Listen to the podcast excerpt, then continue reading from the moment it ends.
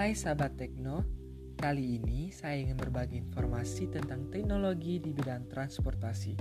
Dilansir dari CNN Indonesia, sebuah kendaraan listrik akan datang ke Indonesia tahun 2025. Sahabat Tekno tahu tidak bahwa kendaraan ini diproduksi oleh Toyota sendiri loh?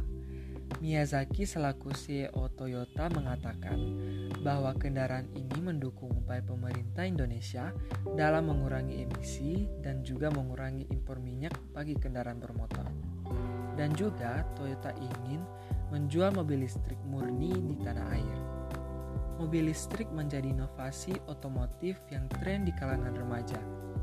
Banyak pemuda yang mendukung peluncuran mobil listrik karena lebih ramah lingkungan serta mengurangi efek rumah kaca akibat emisi.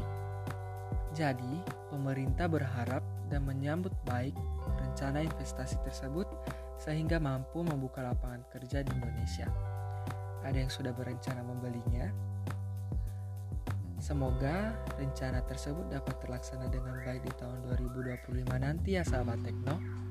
Terima kasih.